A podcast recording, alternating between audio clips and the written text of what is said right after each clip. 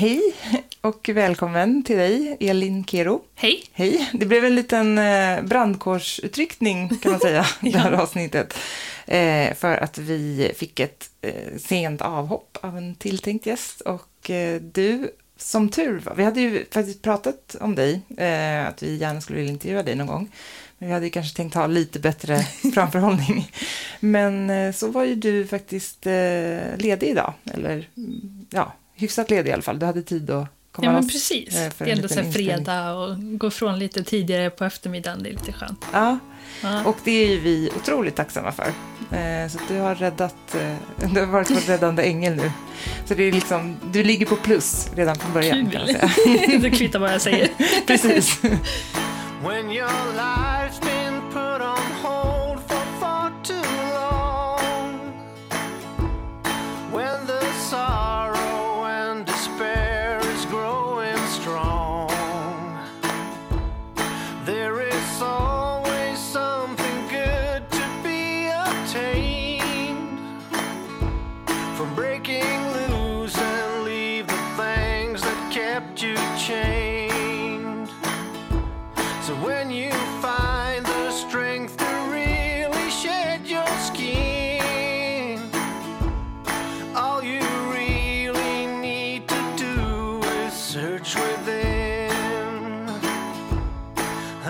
Men jag tänkte att eh, vi kan ju börja som vi brukar med att du eh, berättar lite om vem du är och vad du gör och sådär. Yes, jag heter Elin Kero. Jag, är, eller jag fyller 31 nu i juni och så bor jag i Nacka här i Stockholm. Och jag eh, frilansar sedan 2016, eller jag har provat på det, provade på frilans första gången 2010, men jag har mitt nuvarande bolag sedan 2016 och då jobbar jag med foto och film och jag föreläser och jag är utbildad retuschör. Jag eh, säljer printar och eh, ja, men lite allt möjligt. Sånt. Och jag älskar naturen, precis som ni. Eh, och undrar ibland varför jag bor i Stockholm. För att jag, Precis som jag. ja, ja, för jag vill liksom... Alltså varje gång jag är ute så tänker jag det är så mycket folk. Det är så mycket ljud. Jag vill bara komma ut i tystnaden liksom och sånt där. Så det är en stor dröm. Men- Och det är någonting du tänker på sikt Ja. kanske att det ska... Det är mitt mål. Men jag tänkte att det, jag har haft så många mål i livet att jag tänkte att jag måste beta av ett i taget. Så att eh, företagandet och det var först och så blir boendesituationen sen då. Mm, just det, men det låter ju klokt. att Mm. inte försöka göra allt på en gång. Precis. Eh, ja, men ehm, för det, vi tänkte att nu är det ju så att eh, Katta kunde ju tyvärr inte vara med idag då, eh, så att nu blir det jag som kör solokvist här med dig. Eh, men vi har ju pratat lite grann innan, jag och Katta, och eh, det vi tänkte att det skulle vara intressant att prata lite med dig om är ju det här med att du, i alla fall det intrycket man får är ju att du har eh, låtit liksom, eh, din passion styra väldigt mycket i det Mm. du gör. Eh, och att du också har skippat det här traditionella, vad ska man säga, karriärsbanan, liksom att plugga och sen ta ett så ordentligt jobb och så kanske unna sig att syssla lite med de sakerna man älskar att göra på fritiden om man Mm. hinner det. Liksom. Det är väl så de, de flesta tänker. jag testade ju det från första början Ja, och så kände jag att det var inte nog nej. för mig. Så att eh, jag vände ganska tidigt. Vad gjorde du då? För du hade ett, ett vanligt jobb. Ja, alltså grejen var så här att eh, när jag tog studenten så tänkte jag först och främst att jag ville flytta från stan, för jag, var, jag är från Skara från början som Ah, ligger okej. i... Så du har det lite i blodet? Ja, liksom. men precis. så att jag ville flytta från stan och så här, när man är i den åldern så jag drogs med lite i det här att man vill till något större och häftigare och hela det här. Så att jag eh, ville till något större men jag vågade inte ända till Stockholm då utan det blev Jönköping. Och så pluggade, jag började plugga där för att jag ville, jag visste att jag ville hålla på med någonting kreativt så att då var jag inne på grafisk design. Så att jag började plugga det eh, och så kände jag, eller det, var, det fanns en fotokurs inne i den här grafiska designkursen som gjorde att jag fick upp ögonen lite för fotografering och sånt. Och jag trivdes inte så bra på utbildningen så att jag hoppade av efter ett år. Och så var jag kvar då i Jönköping och tänkte vad, jag visste liksom inte vad jag skulle göra och jag hade sommarjobbat på posten Så att jag eh, började jobba där och så hade jag startat min blogg 2000, vad blir det, 2007 startade jag min blogg.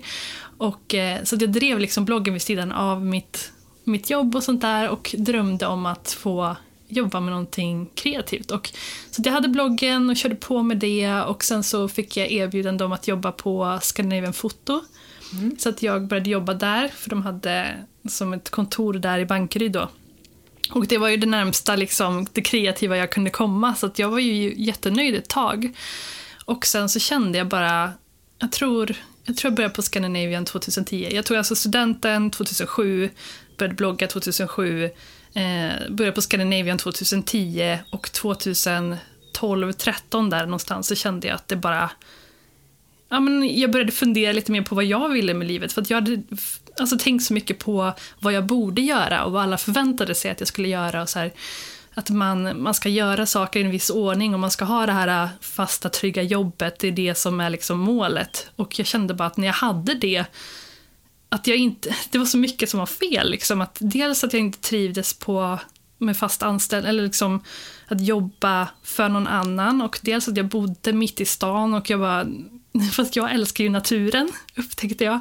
Så att jag vill inte vara här. Jag vill inte vara bland andra människor och allt liksom trassel och sånt. Jag vill inte gå ut och festa som alla i min ålder och sådär. Så att eh, jag ehm, genomgick, eller jag gick ner i en depression. Gjorde jag 2012-13 där. Vilket som då gjorde att jag började tänka om helt och bara kände att jag måste börja tänka på mig själv och vad jag vill och försöka lista ut vad jag vill och det var det som drog igång hela den här karusellen och det, det som är anledningen till att jag sitter här nu. Mm. Så du har liksom en, eh, en form av kris som ledde till eh, något helt annat. Liksom. Precis. Det är ganska ofta så det brukar Ja. bli. Men ja, det, liksom den här depressionen, var det liksom så, så att du var sjukskriven? Ja. Och, ja, så Så jag verkligen- var det i eh, nio månader. Eh, tre månader totalt och sen så var det så arbetsträning. Jag tror det är ganska vanligt att det är så. Jag tror verkligen att man inte... Man kör ju på. Det är väl ekorrhjulet som sagt. Man bara kör på och, och tänker inte så mycket förrän man, ja, man kommer till en punkt som jag gjorde när det bara... Jag måste börja tänka för att annars så Mm. kollapsar jag liksom.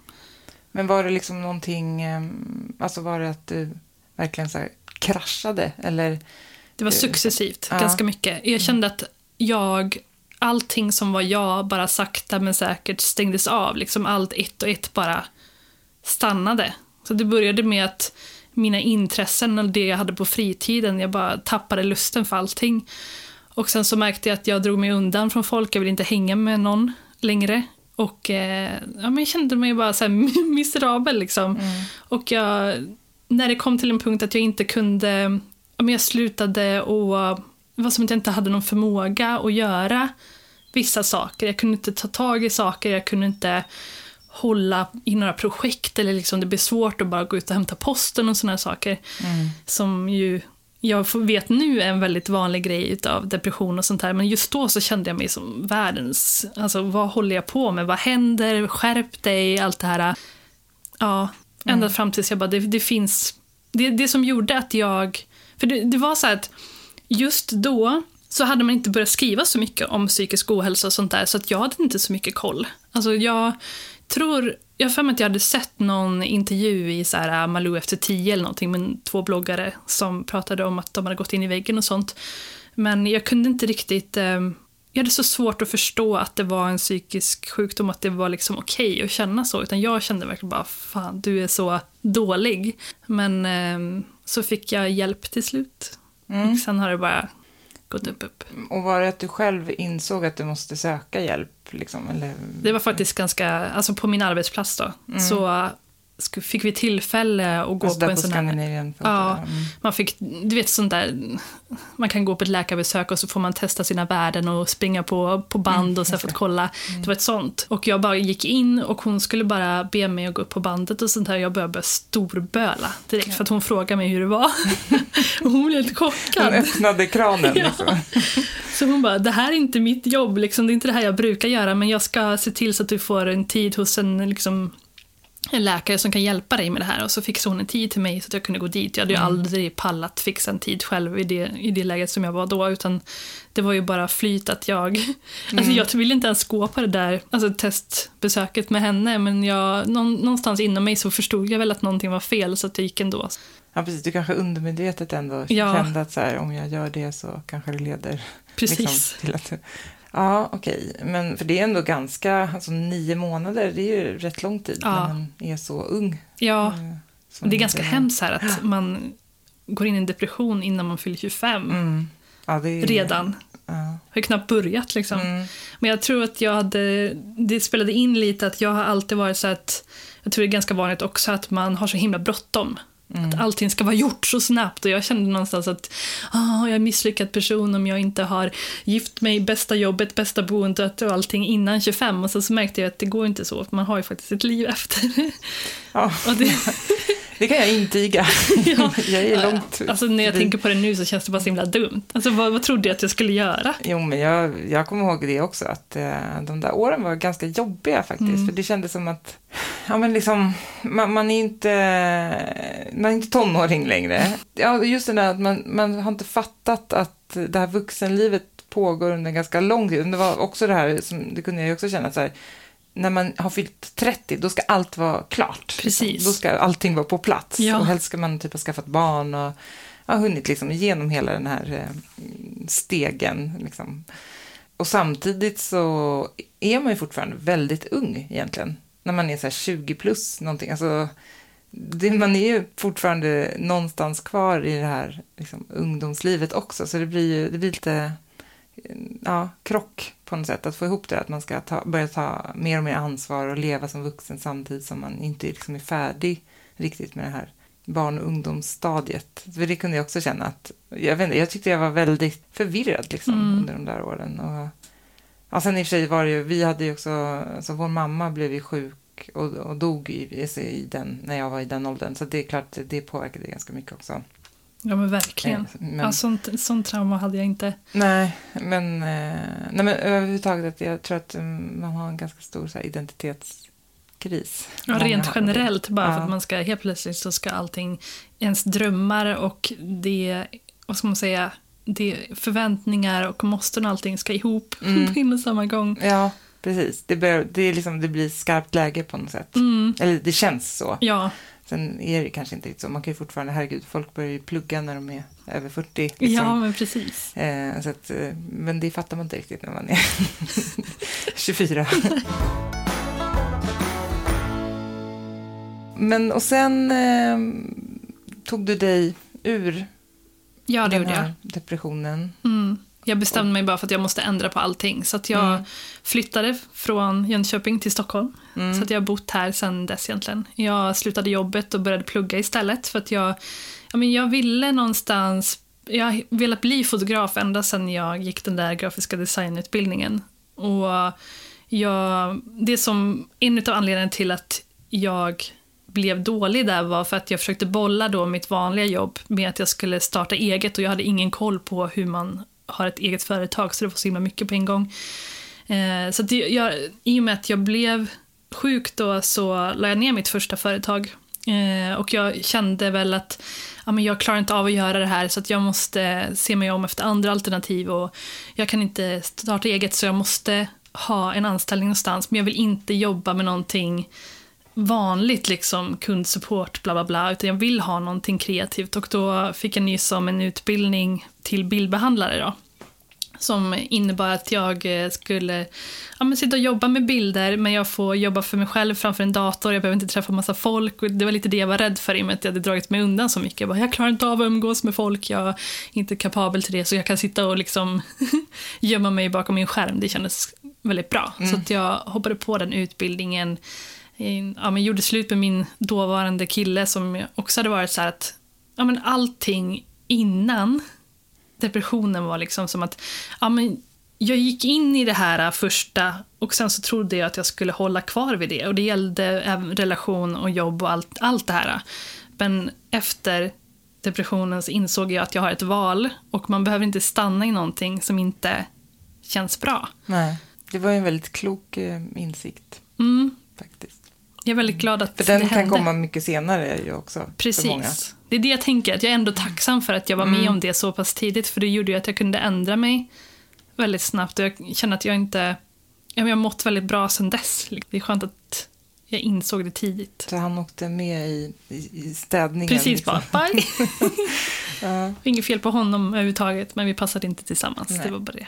Nej, det är också där, när man är så ung. Och det, alltså det är inte så ofta kanske som det är den personen som man Nej, men precis. liksom fortsätter att leva med. Men, men eh, okej, och sen eh, flyttade du till Stockholm eh, och började plugga och sen mm, efter det så har Startade du i mitt princip egna. varit egenföretagare då? Precis. Så att ända sen då flytten och allting så har ju hela vägen bara gått ut på att nu ska jag ta mig till det livet jag vill ha. Mm. Och sen som jag sa där att det är olika steg. så första var att få ordning på, på jobbet och det är det som är mitt inne i nu. Mm. Alltså jag har ett jobb som jag är väldigt glad för att jag har och jag älskar min vardag nu men nästa... Jag vill bli mer, ännu mer fri på något sätt, är målet nu. För att jag, eh, när jag slutade på fotoskolan så var målet att jag bara ville driva mitt egna och då spelade det inte så stor roll vad det handlade om. Så att jag har gjort väldigt mycket kring foto, ja, som jag sa innan, foto och video och föreläsningar och sociala medier-samarbeten och diverse olika saker. Och nu känner jag väl att jag vill försöka styra mer så att det jag gör inte blir så beroende av andra människor utan att jag jobbar mycket för mig själv så att jag kan flytta till ett ställe. Just det, och liksom Ja. sköta dig själv. Precis. ja, just det. Och i det har du någon slags um, liksom utstakad plan då som du följer? Alltså jag tänker på så här, vilken typ av uppdrag du tar och... Nej, alltså grejen är att jag tänker bara... Jag går väldigt mycket på känsla i allt jag gör. Alltså känns det bra, känns det dåligt? Det är, oavsett om det gäller att jag ska åka iväg på en resa eller bli vän med någon eller ta något jobb så är det så här, ah, men hur känns det i kroppen? Så det är klart att jag fortfarande tar uppdrag som, som liksom är baserade, alltså vad ska man säga, jag tar ju fortfarande uppdrag som hör till platsen eller till Stockholm och sånt här. Men jag försöker göra mindre sånt. Och sen så bara känna efter, bara, vad känns kul och vad känns inte kul och vad, vad vill jag utforska mer och sånt. Mm. Men jobbar du liksom bara med eh, saker som, som känns kul? Eller är det så här att du också Ja, tar lite så här halv, halvtråkiga... Nej. det är liksom allting som du gör är kul. Ja. Ja. i Gud, början var det helt- inte så. Eh, och det är, väl, det är ju verkligen en lyx att kunna göra det. Men jag, jag har någon sån här... eh, Första gången jag startade företag så var jag väldigt mycket så som du sa. Att jag bara tar alla jobb, för jag vill så gärna jobba som fotograf. Så det spelar ingen roll Mm, vad jag gör så för tror jag någonting. de flesta liksom, tro, eller tänker att man måste göra. Ja, och jag blev ju så ledsen utav det för det fick ju mig att känna att fotograf var inte det jag ville bli för att det var så mycket tråkiga grejer som bara, men det här var inte det jag förväntade mig. Och eh, så därför är jag jättenoga nu att ta saker som känns bra och som känns kul och sånt där. Och jag tror på att om man ger, liksom ger utrymme för saker så kommer ja, men det kommer att komma saker som är kul också. Jag menar, om jag bokar upp mig på massa saker som är tråkiga, då kommer ju inte jag ha tid att tacka ja till saker som är kul. Eller jag kommer inte vara öppen för att ta emot sådana förfrågningar eller se sådana möjligheter överhuvudtaget. Så att jag känner att hellre att leva lite så här på, på en skör tråd än att låsa upp mig på massa saker som bara gör att det inte blir som jag hade tänkt. Alltså förstår du vad jag menar? Mm, mm, absolut. Eh, men, och hur, hur funkar det då rent liksom, ekonomiskt? Och så? Upp och ner. Men du kan Ehm. ändå liksom, du kan betala din, dina fasta kostnader och sådär. Du går Ja. runt liksom. Jag går runt. Det har varit lite tufft nu det senaste året för att jag har varit så här. Men det har inte så mycket med själva jobbet att göra. Eller, alltså jag, jag skulle inte säga att det har att göra med att jag är frilans utan mer att jag har varit så... Jag har inte vetat vad jag har velat riktigt. Så att jag har haft så här svårt att... Alltså man måste som ha ett fokus på vad är jag vill göra och vad är jag känner och liksom vad... Och jag har väl varit i ett och ett halvt år i ett lite så här vakuum typ. Jag vet inte, jag känner kanske inte att jag vill... Ja, men just det här att jag har känt att jag vill bort från Stockholm. Och jag har inte riktigt varit säker på vad innebär det liksom, yrkesmässigt, vad ska jag göra med mitt företag då? Och det har gjort att jag kanske inte har varit så öppen för jag har inte orkat ta tag i saker, inte orkat så här, trycka på i företaget och det har gjort att det har gått sämre. Det är inte så mycket för att det, det är läskigt att vara frilans, om det, du förstår vad jag menar. Men, ehm, så det är klart att det är upp och ner. Och liksom första året så gick det hur bra som helst. Jag bara startade upp och det bara flöt på som bara den. Men sen så var det att jag själv tappade fokus lite. Och, och ja, men allt det här, äh, jag tror att det kom ikapp mig lite. Allting hade varit så, efter depressionen och allting, jag började plugga, målet var att starta företag och sen hade jag startat företag och började köra igång och allting funkar och sen bara, wow, men jag måste ha ett nytt mål nu. Jag kan inte bara... Mm. Alltså jag, jag, jag tappar liksom, jag måste ha någonting att sträva efter hela tiden för annars så står jag bara här och så händer ingenting. Så att det tog lite tid att få, få tag på det. Mm. Men nu så känner jag att jag är på, på rätt spår och det känns jättekul. Och vad är liksom det nya målet då? Eh, det, ja men jag kan säga vad det är. Eller ska jag säga?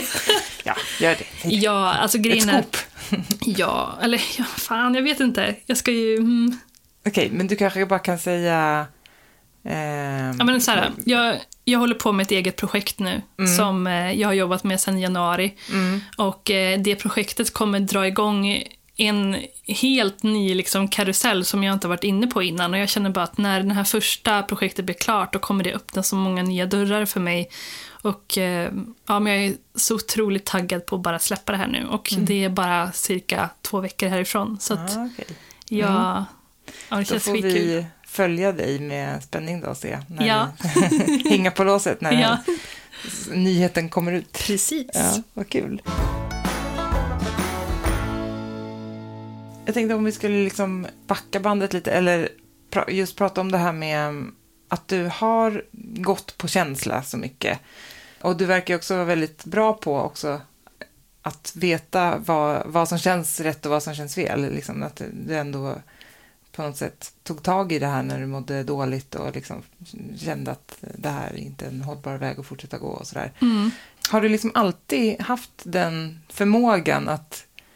För det gäller ju också att veta vad som är ens magkänsla. Liksom. För ibland får man en massa olika impulser och Ja. så vet man inte riktigt vilken ska jag följa. Liksom. För de kan ju vara motstridiga också. Ja, men precis. Alltså, Eh. det har verkligen inte varit självklart. Nej. Det har varit så här, äh, testa och se vad som händer. Eh, så första, till exempel nu när jag startade företaget andra gången så var jag väldigt mycket så här att jag ville ut och fota och se Ja, men jag fick väldigt mycket förfrågningar om att hänga, ut, hänga med ut i världen och, och se olika ställen och fota där. Och det var ju superhäftigt. Jag menar, eller superhäftigt på det sättet att det här är vad alla tycker är häftigt. Så därför borde jag också tycka det är superhäftigt. Liksom. Så att jag bara wow, jag ska åka till eh, New York, jag ska åka till eh, Los Angeles, jag ska åka till bla bla bla. Men sen när jag väl var iväg så kände jag att bara, men det Ja, det är jättecoolt utåt sett, men jag är ju en hemmaperson. jag gillar inte att vara hemifrån, så vad gör jag här? Och så har det varit med många saker, men det där, det där var det största. Alltså att jag bara kände att det är väldigt lätt att bli lockad av sådant som... Precis, som är liksom allmänt sett som något väldigt coolt och så här Precis. Ja, absolut. Så är det ju. Ja. Och sen så känner jag också att jag kan ju ändra mejlingsvägen också. Alltså en sak som passade för två år sedan behöver inte passa nu. Nej, Så att jag försöker inte planera så himla långt i förväg, utan jag så tänker, jag tänker, vad ska jag göra nu? Och just nu vill jag göra det här projektet som jag gör, men det betyder inte att jag vill göra det i januari nästa år. Eller så här. Nej, just det. Men eh, tror du, för jag har ju en känsla av eh, att det där är lite så här en generationsfråga och att det, det blir mer och mer så. Liksom att jag tror så i framtiden så kommer det nog vara väldigt få människor som liksom kliver in i, i någon stor organisation och får en fast anställning och sen jobbar där i 30 år, så som det har varit mycket nu med guldklockor och man får sådana här eh, liksom, eh, typ pensionsbelöningar när man har jobbat eh, ett visst antal år. Och, alltså, det känns ju som att hela den kulturen är på väg att liksom, ändras väldigt mycket och med hur man ser på Ja, att jobba helt enkelt. verkligen. Ehm, och alltså, upplever du det också, att det, att det är en generationsskillnad där? Liksom, Alltså, Att, alltså jag, till viss del. Jag kan kan känna att det är mycket också hur man är uppväxt och sånt. Jag menar, min familj har varit väldigt öppen och så här, men också lite så här vi ser vad som händer. Sen är det klart att min pappa har varit på så att trygghet är bra och, så här att man ska jobba och tjäna pengar och liksom det här. Det känns att kanske rent allmänt att det går mer åt att man vill hoppa lite mer. Ja, Se vad som händer. Liksom testar sig fram lite grann och kanske tänker att det är inte hela världen om jag liksom säger upp mig och gör något annat, eller startar eget. Eller liksom, för jag tror att eh, så som vi är uppväxta, eller så som liksom också hela klimatet har varit, så har ju det eh, känts som att det är lite nästan eh, liksom suspekt. Eller så här, inte, men att man så här, vadå, man kan ju inte bara så här, skita i och ha ett fast jobb och försöka dra. Alltså om man inte verkligen, ja, det är skillnad om man kanske är, men jag vet inte, så här, är bonde eller Ja, har liksom verkligen, nu ska jag starta den här affären eh, där jag ska sälja saker. Och liksom, men just det här när man bara, ja men jag ska börja frilansa lite. Och liksom, jag tror att det har varit väldigt, eh, nog ansetts ganska så här flummigt lite. Ja, precis. Men just att nu märker man ju med också alla nya liksom, yrkeskategorier som kommer med så influencers och hela, liksom, allt som följer i den här eh, liksom, digitala utvecklingens spår gör nog att eh, det, allt blir lite lösare i kanterna. ja liksom. verkligen. Det är spännande. Ja, det är väldigt spännande och jag märker det också när man umgås med just folk i, i din ålder och yngre. Liksom att, eh, att bara, gud, det är så här, man blir lite avundsjuk på att, eh, att ni har det där. Att det är så lätt. ja, liksom. precis, att ni Mm. har det självförtroendet liksom. Ja, Eh. jag vet inte om det är så mycket självförtroende egentligen. Alltså jag kan säga att jag har tvivlat jättemycket på mig själv och, är egentligen en jätterädd person i grunden. Eh, så att jag, jag förstår typ inte själv varför jag är här. Jag tror att det är bara så här att jag har haft ja, men som en passion som bara har sträckt sig efter mig och jag trots rädslor och trots att jag inte har trott på mig själv så händer det bara att jag vill det här så mycket så att jag skiter i allt. Alltså det bara, jag, jag kan inte släppa taget om det här. Det finns ingen annan väg.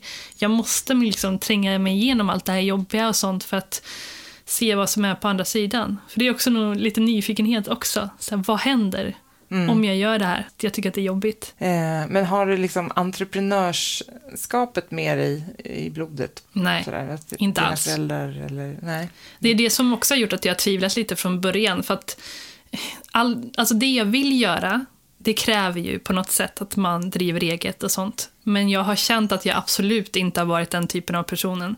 Dels att jag inte känner någon eller haft någon i min släkt eller min omgivning som håller på med det. Så det är ingen, jag har aldrig sett in i den världen överhuvudtaget.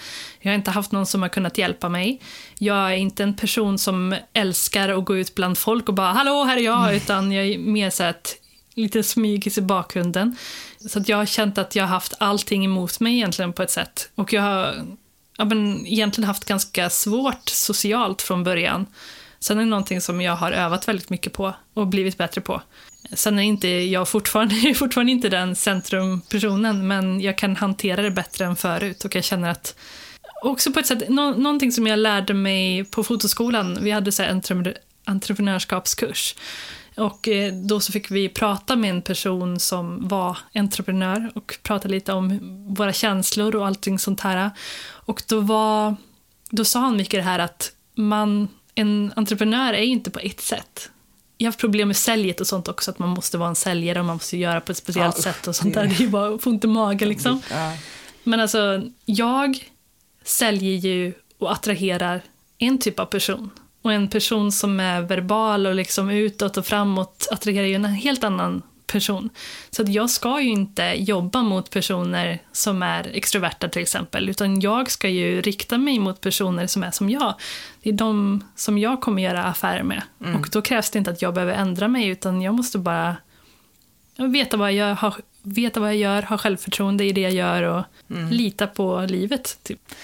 Ja, och sen är det väl också så att, jag menar, det där går ju liksom lite hand i hand också. Om man gör någonting som man är passionerad för och älskar att göra, då är man ju ofta bra på det också. Alltså det, man, det, man Ja. utvecklas ju liksom när man är intresserad och vill lära sig mer och liksom tycker att det är kul. Ja. Och då blir man ju också bättre. Så att ofta så är det så, har man liksom valt ett sånt spår då är man förhoppningsvis bra på det man gör också. Ja, mitt problem har väl varit att jag har varit superintresserad av det kreativa, men inte alls utav företagsdrivandet och säljet Mm. och det. Alltså jag har ju, en av mina närmsta vänner är ju superbra på att sälja och hon älskar ju det. Mm. Alltså hon är, alltså det är därför hon är så bra på det. Medan jag bara känner att det är lite obehagligt Mm. och inte tycker att det är så kul. Så därför så, så jag har fått jobba jättemycket med det. Men har hon eh, liksom kunnat hjälpa dig då? Ja. Eller, ja. Och nu så har jag tagit in också hjälp i det här projektet som jag håller på med. En bekant som numera, är vän, så att hon peppar mig jättemycket och ger mig lite nycklar hur jag ska göra och sådär, så vi får väl se. Mm, just det. Ja, för där är ju, det är ju jobbigt när man måste liksom, alltså som egenföretagare, då måste man ju ändå, även om man inte älskar att sälja, så en, ett visst mått av säljande ingår ju, liksom, det, det kommer man Ja, inte undan. Och också administration, Mm, precis. att kunna här, Det lägger jag bort där inte. sköta sin bokföring och Ja. alla de där grejerna. Och det är inte allt, speciellt som du säger, om man är jättekreativ och älskar, liksom, och det är därför man har startat eget, så är det inte alls säkert att man har Nej. de eh, liksom, eh, talangerna att, att kunna sköta sådana saker. Nej, jag är ju mer projektledare, kreatör, alltså så här, Visionär, den delen. liksom. Ja, Mm, ja, det där är ju en utmaning. Eh, och, och tills man har blivit så pass framgångsrik att man har råd att ta in folk för att hjälpa dem med de där bitarna, så då måste, det ju, då måste man ju göra det på något sätt. liksom. precis. Och jag vill väl bara så här, säga att även fast man tycker att sådana saker är jobbiga så kan man ändå klara att göra det. Jag känner bara att om jag har klarat det så kan vem som helst klara det. Så känner jag. Vad tror du liksom om framtiden? Är- Har du liksom hittat ett eh, spår nu som du kommer att fortsätta följa? Eller? Jag kommer förnya mig hela tiden. Ja. Jag har ingen aning om vad jag gör om ett halvår. Ingen aning om vad jag gör om fem år. Det är Nej. många som har så här långa mål. Jag kan inte riktigt ha det. Eller alltså, på ett privat plan kan jag det. Som till exempel att jag har ett mål att jag vill flytta ut på landet. Och jag kommer ju sträva efter det såklart. Men inom företagandet så känner jag att... Ja, men en sak som jag känner skiljer mig ganska mycket från... Ja, men som jag känner Stockholmsföretagandet. Eller jag känner att det kan vara... Jag känner mig pressad av att man i den här stan ska vara så himla karriärsinriktad och man ska uppåt, uppåt, uppåt, göra coolare, coolare saker, mer välbetalda saker, och ens namn liksom stort där och allt det här. Och jag känner bara att jag är nöjd om jag kan leva på att göra det jag älskar att göra.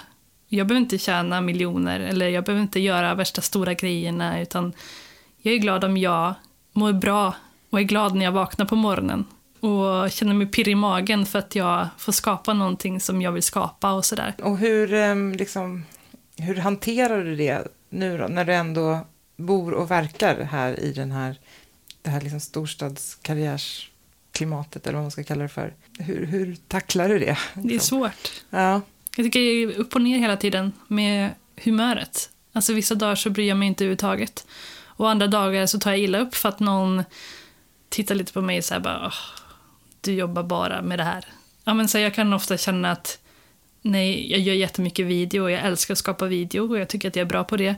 Eh, skapar till YouTube, men då är det så här, det är ju bara till YouTube-videos. Det är inte någonting som är värt någonting. Utan man ska ju jobba liksom på de här grejerna, stora projekten, då är man ju en riktig videograf. Liksom. mm, okej. Så att jag känner, sånt kan sticka lite i mig ibland om jag är på dåligt humör. Mm.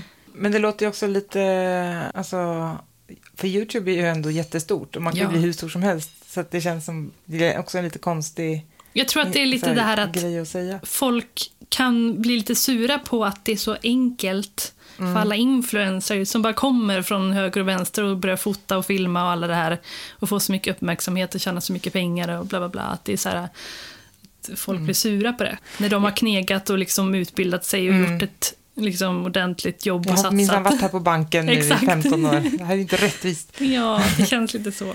Men, ja, men för det där tror jag också, jag ehm, brukar lyssna rätt mycket på Margot Ditz och Daniel Redgerts podd. Jag vet inte om du... Inte lyssna på podden, men Nej. jag följer Margot på YouTube. Ja, just det.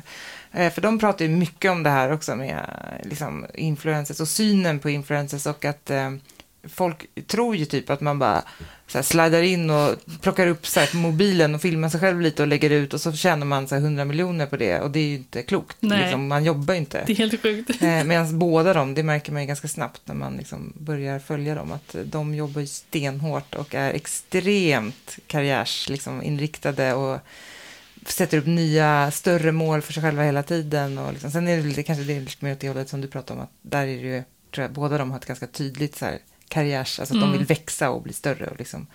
Men just att så här, den där bilden av att eh, man inte jobbar, liksom, om man är en influencer. Det får jag kämpa mot hela tiden känns det som. Ja, När man pratar med folk. eh, men det, Även fast jag inte ens jobbar speciellt mycket med, alltså jag jobbar en del med sociala medier. ja. Men bara för att jag vistas där och har gjort det i så många år så är det Mm. som att, ah, det är du bara leker där... lite liksom. Exakt.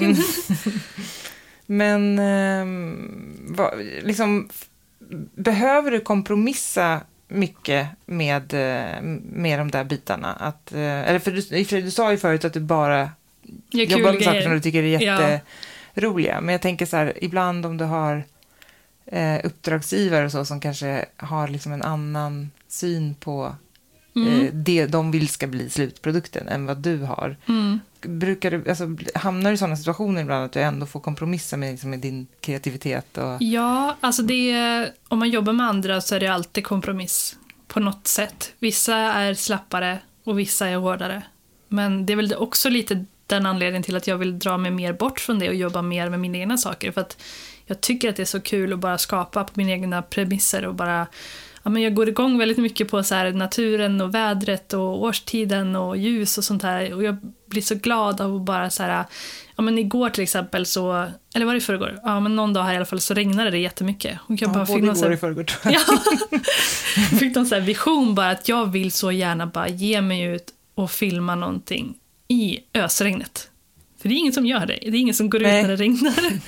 Jag älskar när det regnar. Så ja, men jag älskar sådana infall, liksom, att man bara ser någonting och så bara känner att det här vill jag skapa en story om. Och Gjorde är du det gå- då? Nej, jag gjorde faktiskt inte det på grund av att det här projektet som jag håller på med, som tar, tar så mycket tid. Men eh, oftast så brukar jag gå på de infallen. Mm.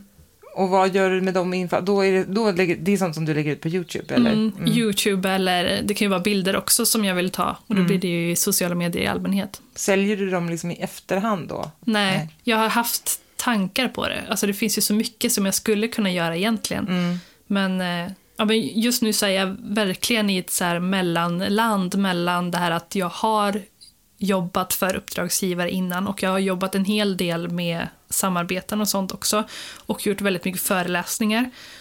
Och jag vill lämna det och gå över mer till att, ja men jag har ju fortfarande skapat såklart jättemycket för mina kanaler men jag har inte kunnat plocka ut några pengar på dem, alltså mitt egna skapande direkt utan det är mer så att de sakerna jag har gjort vid sidan om har finansierat att jag har skapat. Och nu vill jag mer komma på vad jag kan göra för att skapa och tjäna pengar på det. Utan att det är, ja men alltså, Ja, Mer jag som bestämmer. Ja, har kontrollen över Ja. allt. ja. jo, det är det man vill såklart helst. Alltså, Det är spännande och läskigt Ja. som världen. Och inte ha någon att förlita sig på eller sådär. Man måste komma på nya idéer hela tiden och det ska Mm. funka. Alltså nu i början så känner jag att ja, men det här som jag ska släppa nu, jag har jättebra självförtroende när det gäller det. Jag tror det kommer gå jättebra. Men jag tänker att om jag håller på med det i väldigt många år och jag känner att man kanske kommer till en punkt när man tror att man har mättat marknaden lite med det man håller på med, att man måste testa något nytt. Det är väl då det kommer bli jobbigt kanske. just det, men det är väl kanske också så att man når den punkten ändå. Alltså, Ja. för att, I alla fall sådana som du, som styrs väldigt mycket av så här passion och att det är viktigt att man brinner för det man gör. Då kanske man inte heller fortsätter på exakt samma, liksom, med exakt samma sak i, under för lång tid så att man bara känner att man behöver utveckla sig och gå vidare. Liksom. Nej men precis. Så jag kommer nog ändå kommer alltid att förnya mig hela tiden. Mm, ja, precis. Vad är liksom din... eh, Om, om, så här, du vill ju lämna Stockholm och flytta ut på landet. Och, så här, har du liksom någon, eh, så här, en, ett slutmål med... eh, Eller du sa ju att du inte jobbar så mycket med långtidsplaner och så, Mm. men om du, är det så helt öppet vad du, vad du kommer att jobba med framöver? Eller har Ja. du liksom ett så här, det där skulle jag,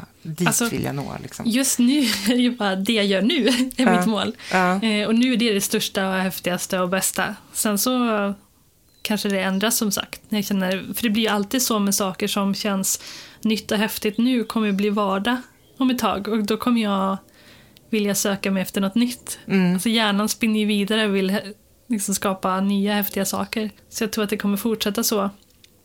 Och jag vet inte ens riktigt vart på landet jag vill. Jag vill bara bort från Stockholm så får vi se vad som händer.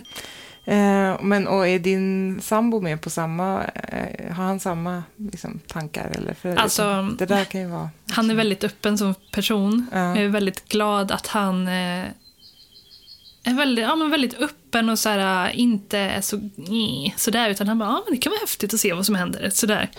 Så han har ju fast jobb, eller han har ju jobb, han jobbar som jurist. Så att han kommer ju behöva jobba på ett ställe. Mm, han kan inte börja sitta mitt ute i skogen. Nej, så att det är klart att jag måste anpassa mig efter det. Men eh, vi har pratat mycket om det och det finns en möjlighet att se sig om. Och det kanske inte blir mitt i skogen alla Jonna Jinton liksom. Men det kanske blir utanför en mindre stad eller sådär. Mm. Mm. Det finns ju faktiskt ställen som ligger liksom verkligen inom pendlingsavstånd Exakt. från lite större samhällen som är superlantliga. liksom. Ja men att, precis. Så det går ju säkert att... För jag gillar ändå när det händer saker också. Mm. Det kan jag inte komma ifrån. Men jag tror att jag vill ha mitt hemma på en plats där jag bara kan gå ut genom dörren och så är det gräset och fågelkvittret och stillheten och inga människor och det här. Ja, för det är ju där som, så känner ju jag också att, eh, att jag skulle vilja att, att mixen var tvärtom, att istället för att man har liksom sitt hem i stan och så här söker sig ut till landet vid behov, så just att det ska vara tvärtom istället. Exakt att man har hemmet på landet och sen så kan man då åka och få de här, eller små doserna av stadsliv när man känner att man är sugen på det. Liksom. Precis. Mm. Ja, håller med 100 procent. Ja. vi kanske ska slå våra kloka huvuden ihop och se om Precis. vi kan hitta Vad behöver vi göra? en genial lösning på det. Eh, vi brukar också försöka eh, här, att man ska kunna ta med sig någonting som lyssnare, eh, alltså Mm. kanske få lite tips och så där. Om man är en, eh, i, idag kanske befinner sig i ett läge där man känner att man skulle nog vilja lyssna lite mer på sin passion och bara testa att göra någonting helt annat. Um, vad, vad har du några goda råd att ge till personer som går i de tankarna men kanske inte vågar ta steget sådär? Mm. Alltså, det jag tänker direkt är att ja, men man har ju den här rädslan då, att det ska gå fel, att man ska ångra sig och massa sådana här saker. Och jag kan säga nu att, jag menar, man kan ju alltid ändra spår. Alltså, allting som jag har gjort har jag hoppat på och sen så bara, nej men nu känner jag inte för det längre, så nu ändrar jag. Och så ändrar man och så ändrar man och man kan ju ändra tillbaka om man vill. Och också så här att jag har aldrig någonsin ångrat något steg jag har tagit mot min passion. Aldrig någonsin.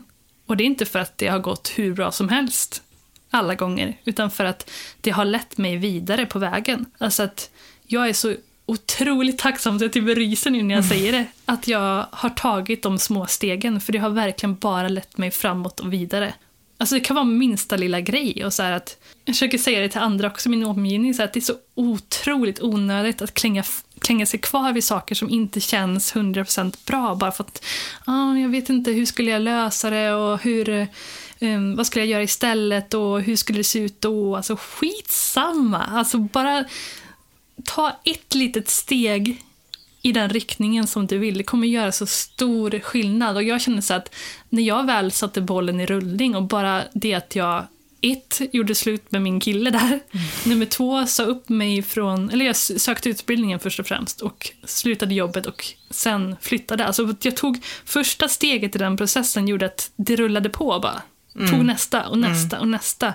Och nu så rullar jag på hela tiden. Jag kan inte få stopp på det för att första steget var svåraste. Och nu känns det som... Jag vet att det funkar. Jag vet att jag blir glad av det. Jag vet att jag blir lycklig och jag vet att jag lämnar någonting bakom mig som jag inte mådde bra av egentligen. Att det inte var fel att gå därifrån. Och att jag klarade mig oavsett om jag haft svårt ekonomiskt och oavsett om jag inte haft någonstans att bo och varit ensam och massa sådana här saker så har jag alltid klarat mig. Och det gör ju att jag vågar ta mig an nya hinder mycket enklare. Det känns som att jag kan göra vad som helst nu. Och det är så jävla skön känsla. Och jag vill bara att alla ska känna så. Så Ja, det låter ju verkligen eh, fantastiskt. Och, eh, och det vi- är inte så svårt som man Nej. tror. Nej, men precis, vi har faktiskt det. också propagerat mycket för det. Både jag och Katta har ju varit lite segare kanske i starten än vad du har varit. Och det här har fått gå eh, och liksom marinera mycket längre hos oss båda tror jag, att börja ta de här stegen. Men vi har ju också båda liksom påbörjat de resorna, eller kommit en bra bit på väg. Och visst känns det bra? Ja, och, ja, och det är precis som du säger. Att, jag menar, jag, om, man, om man tittar på pappret liksom, på det jag har gjort så tror jag många skulle liksom bara skaka på huvudet och tycka att jag är helt liksom, galen verkligen. För att jag har släppt ett jättebra jobb med liksom, jättebra villkor och liksom bara gav upp det eh, mot en jätte, jätteosäker framtid. Och jag menar nu, det är samma med mig att liksom, Men det spelar ju ingen roll. Nej, för jag känner också att så här, det var så rätt. Mm. Liksom, jag kunde inte ha gjort någonting annat. Eh, och eh, ja, det är verkligen en... Det har också stärkt mig i den tron att så här, ja, men nu, nu vågar jag göra vad som helst. För det är, så här, men det, det är ju bara en föreställning där att man ska ha det på ett visst sätt och det, det är det bästa jobbet och Mm. det, alltså, det är det här som är mest prestigefyllt och du borde inte släppa. Men det, det handlar ju om att du har valt ditt liv. Precis. Jag valde, Inte att du har förlorat någonting. Det. Nej, precis. Och det, det var ju ett aktivt val jag gjorde, men det var ju också såklart ganska eh, så här, uh, ångest, ja. ångestladdat. Men när jag väl gjorde när jag väl fattade det här beslutet, då var det som en enorm lättnad. Alltså Mm. det var som att jag bara släppte en sån jävla så här, jättesten som jag har gått och burit på. Samma Liksom. sak för mig. Eh, så att, ja. det- Men för, för man kommer ju bara, om man inte släpper taget så kommer man ju bara fortsätta bära på det Mm. där som är jobbigt. Och då kommer det gnaga och gnaga ja, och gnaga. och det blir tyngre och tyngre. Ja, liksom. bara man Mm. bestämmer sig för. Det är som att om man står på ett stup liksom, och man vet att man ska hoppa, liksom, vad heter det, bungee jump eller något sånt här. Man kommer ju hoppa. Och det är ju Mm. jobbigast fram tills man bara bestämmer sig för att hoppa. Och då är det Mm. bara, ah, hur skönt som helst. Och så är det ju i sådana här beslut också. Det kommer gå, om man håller i det länge så kommer man ju längre känna den där känslan av att "Åh, åh, åh, det känns inte behagligt, det känns inte... Det är ju den känslan som är den jobbiga, inte att faktiskt bara hoppa av. Nej, exakt. Nej, för då är ju liksom, då, då har man ju tagit det där avgörande beslutet redan. Precis. Så då är det bara själva hoppet som återstår. Det är ju ganska härligt. Exakt. Bra, då vet alla vad de ska göra nu då. Det är Mm. bara att sätta igång. Lite flummigt kanske. Ja, nej, men det, är- det, är så, det är verkligen intressant för att det, det kokar liksom på något sätt alltid ner till det. Att det handlar om att, att inse vad det är man måste göra och sen Mm. göra det. Ja, och känna så här att, ja men, eh, i, som, att, som jag sa, att jag kände innan att jag inte var rätt person för diverse, diverse olika saker. Och jag tror att det är väldigt vanligt att känna så. Att ja, men, jag är inte på rätt plats i livet, eller jag är inte en sån person som... Och såna här saker. Men alla kan ju göra allt på sitt sätt. Precis, men det, och, men det som vi, vi är viktigt också är att så här, visst, man kan göra allt. ehm, Men måste vilja det också. Precis, man måste vilja det. Liksom, Mm, Passionen på måste riktigt. finnas där. För det var ju precis så det var med, med mitt förra jobb, att jag kunde ju göra det. Jag kunde göra det ganska bra också. Och det gick bra, men det var liksom ändå så här, det var inte rätt. Och jag Mm. kände att så här, jag, jag är ju inte på rätt plats. Liksom. Ehm, och det, det är det man måste också inse, tror jag. Att även om man kan göra någonting Ja. bra, Ja. men inte brinner för det, då är det, då är det inte rätt i alla fall. Nej, men liksom. precis. Och det är, kan ju vara lite jobbigt ibland med den insikten, men när, när den väl är där så tror jag att Ja, då har man hittat rätt. Liksom. ja. Och sen låta sig... Man får testa sig fram tills man hamnar på rätt. ja, precis. Det är bara att testa på. Mm. Härligt. Eh, men då ska, ska jag släppa iväg dig igen nu. Ja. Eh, jätte, jättekul att du kunde komma. Jättekul att få vara med. Jag ska bara säga också att vi ska tacka Sven Karlsson som gör eh, poddmusiken och eh, Epidemic Sound som är plattformen där musiken finns. Och så hörs vi igen om två veckor. Ha det så bra allihopa. Hej hej! Hej då!